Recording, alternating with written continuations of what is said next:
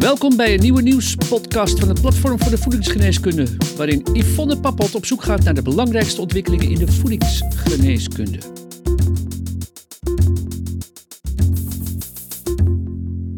Hallo luisteraars, welkom bij deze wekelijkse nieuwspodcast van Voedingsgeneeskunde, waarbij we jou inspireren over de rol van leefstijl, voeding en specifieke nutriënten in relatie tot gezondheid en ziekte.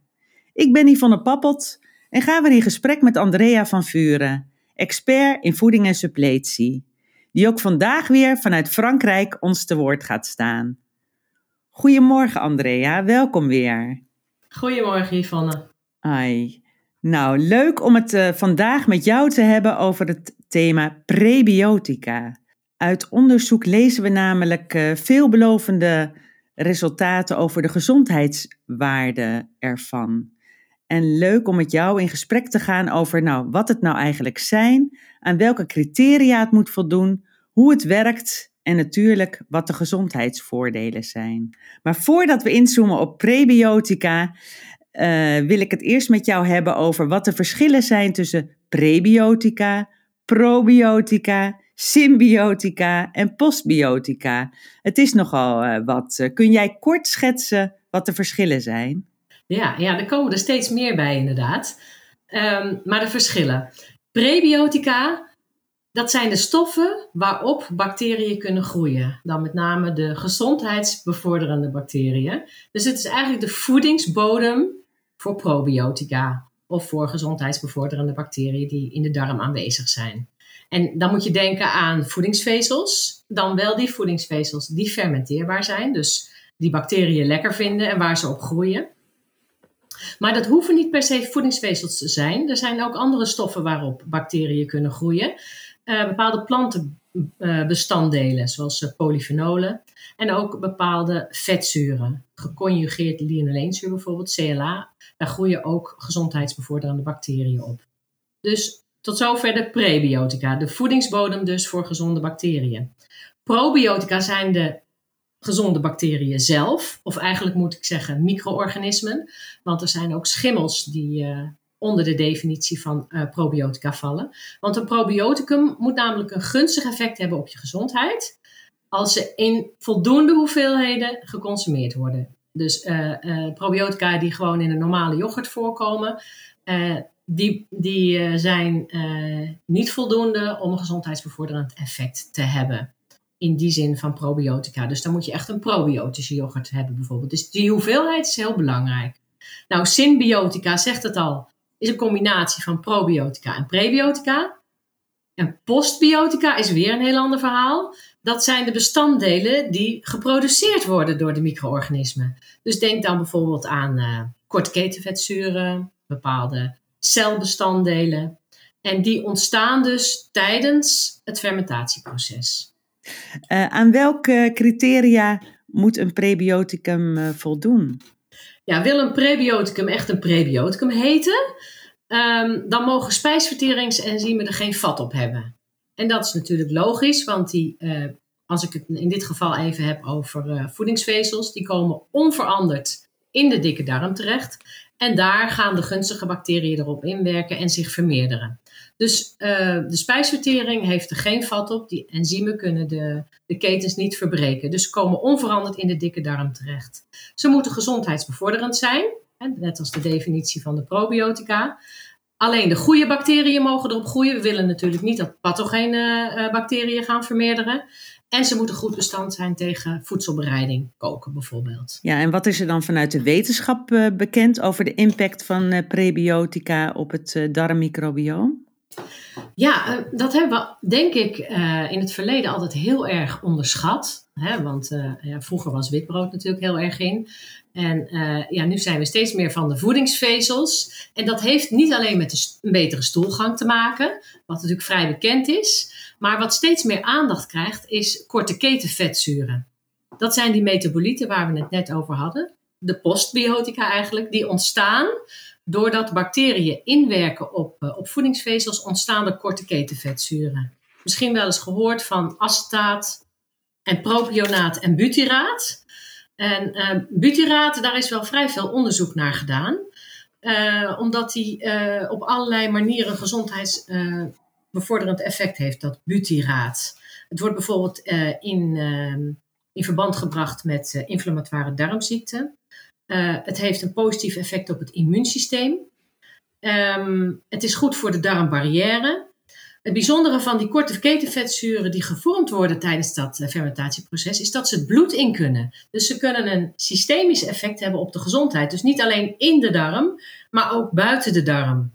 Zo hebben onderzoeken bijvoorbeeld aangegeven dat ze ontstekingsremmende eigenschappen hebben in het lichaam. Eh, dat ze invloed hebben op het suikermetabolisme en op het cholesterolmetabolisme.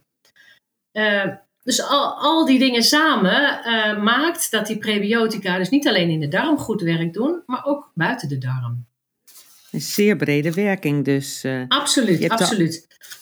ja, je hebt dus al het een en ander verteld over de gezondheidseffecten. Wil je daar nog iets aan toevoegen? Of, uh... Ja, ik wou eigenlijk net zeggen, ik heb het nu wel over die korte ketenvetzuren. Maar uh, die uh, prebiotica die zorgen er ook voor dat de goede bacteriën meer gaan groeien. En dan denk je bijvoorbeeld met name aan bifidobacteriën. En die hebben ook een gezondheidsbevorderend effect. En in de praktijk, dus ja. wat doet dat dan eigenlijk voor je gezondheid? Ik zit vast even jouw vraag uh, te verzorgen. maar dat zou dus de volgende vraag kunnen zijn. Hè? Uh, wat doet het dan uiteindelijk voor je gezondheid? Nou, het bevordert de darmwerking het zorgt voor meer volume in de darm. Dus daardoor heb je een korte darmpassagetijd. En dat is natuurlijk gunstig, want daardoor kunnen er minder toxische stoffen het lichaam in. Snelle darmpassage is altijd gunstig. En verder zijn er aanwijzingen dat het ook beschermt tegen hart- en vaatziekten. Dat heeft natuurlijk te maken met die invloed op dat vet- en cholesterolmetabolisme. Um, verlaging van de kans op diabetes, dat heeft te maken met die invloed op het glucosemetabolisme. Nou, ik noemde net al die inflammatoire darmziekten. Nou, noem maar op. Er zijn tal van ziektebeelden uh, waar een associatie is met prebiotica. Maar dan noem ik inderdaad een associatie, want er is niet heel veel aan klinisch onderzoek. Maar ja, toch wel voldoende basis om er aandacht aan te besteden, ook uh, in onze voeding en in de adviezen ook uh, door professionals. Ja, prebiotica is dus zowel vanuit de voeding beschikbaar als vanuit supplementen ja, hoe gaan we daarmee om in de praktijk? Uh? Ik ben wat prebiotica betreft wel een hele grote voorstander van het in de voeding op te nemen. Dus neem vooral voedingsmiddelen die veel probiotica van nature bevatten. Want dat helpt ook mee aan het maken van gezonde keuzes. En ja, mijn stokpaardje is een beetje puur en onbewerkt. Nou, als je puur en onbewerkt eet, dan komt het wel goed met die, met die prebiotica. Want um, als we dan kijken naar de bronnen van prebiotica, dan is dat met name granen, maar dat zijn dan weer vooral niet die fermenteerbare vezels. We moeten meer richting de groenten. Bijvoorbeeld de, de meest bekende en meest belangrijke prebiotica zijn de fructanen, hè, de, oftewel de fructo-oligosacchariden, zo kennen we ze wel. De fos, die komen vooral bijvoorbeeld voor in artichok, in asperges, in dadels, in prei, in noten. Eh, in erten, in ui. Uh, dus daar moeten we vooral meer van eten. En uh, dan hebben we resistent zetmeel, dat is ook een fermenteerbare vezel. Dat komt vooral voor in, in linzen en in zilvervliesrijst, in bonen en ook weer in erten. En in aardappelen, met name als die gekookt zijn en daarna afgekoeld worden. En verder hebben we nog fermenteerbare vezels die voorkomen in gommen. Dat zijn meer de gelei-achtige. Dus ja, we moeten het vooral zoeken in, in noten, fruit, groenten, uh, waar, die, uh, waar die fermenteerbare vezels, oftewel die prebiotica in voorkomen. Nou, en daar hebben we helemaal geen supplementen voor nodig. Dat vinden we allemaal terug in de voeding. Uh, wellicht een overbodige vraag, maar gebruik je zelf ook voldoende prebiotica? Hoe ga jij met die probiotica om? Ik probeer, de prebiotica heb je het over, hè? Of, of zei je dat ook? Ja, prebiotica. Okay. Ja, nou, ik probeer zelf zo puur en onbewerkt mogelijk te eten en in uh, zoveel mogelijk maaltijden ook groenten te verwerken. En ik ben erg van de uh, puree-soepjes, dus uh, veel groenten erin en pureren. Um, ik ben gek op hummus, dus Oriëntaalse gerechten. ik eet vaak noten bij het ontbijt. En wat ik heel leuk vind is om zelf kiemen te maken dat draagt allemaal bij aan, aan mijn vezelgebruik. Dus ik denk dat mijn prebiotica gebruik wel goed zit. En, en ze zeggen ook dat um, ja, als je voldoende vezels gebruikt en een gezonde darmwerking hebt, dan zou je eigenlijk één tot twee keer per dag uh, een ontlasting moeten hebben, zeg maar. En uh, ik denk dat, uh, dat heel veel Nederlanders daar nog wel verbeteringen kunnen aanbrengen. Dat blijkt ook wel uit de voedselconsumptiepeilingen. Want de aanbeveling is gemiddeld 30 gram voedingsvezels voor vrouwen en 40 voor mannen. En, en we komen zo'n beetje aan 20 gram per dag. Dus daar valt nog wel een verbeteringsslag te maken. En tot slot, uh, Andrea, wat geven we verder de luisteraar als boodschap mee vandaag? Ja, um, zoals ik al zei, er zijn heel veel verschillende voedingsvezels, en waar, waarbij vooral de, de fermenteerbare voedingsvezels belangrijk zijn. Maar op elke vezel heeft weer andere eigenschappen qua oplosbaarheid, qua fermenteerbaarheid, qua viscositeit. En uh, die aspecten die maken dat het effect heeft op het lichaam. Dus juist omdat ze zoveel verschillende effecten hebben in het lichaam, is het belangrijk om ze uit zoveel mogelijk verschillende bronnen te halen. En dan kom ik weer op variatie, variatie, variatie. Probeer dus zo puur en onbewerkt mogelijk te eten. En breng daar ook zoveel mogelijk variatie in. Dan krijg je zoveel mogelijk verschillende soorten voedingsvezel uh, binnen met optimale effect in het lichaam. Ja, dus laat me raden wat het woord van de week is. Juist. Je raadt het al, variatie. Uh, mijn woord van de week is vezels. Natuurlijk ook uitgebreid uh, aan bod gekomen in uh, deze korte nieuwspodcast. ja, Andrea, weer heel hartelijk dank voor de interessante informatie rondom prebiotica. Ook de andere soorten zoals besproken, probiotica, symbiotica en postbiotica zijn nog interessant om in een andere podcast aan de orde te laten komen.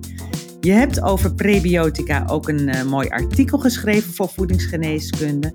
Dat is gratis te downloaden via de website. En ja, ook de luisteraars wil ik heel hartelijk bedanken voor de aandacht. En uh, graag tot volgende week, want dan is er weer een nieuwe nieuwspodcast.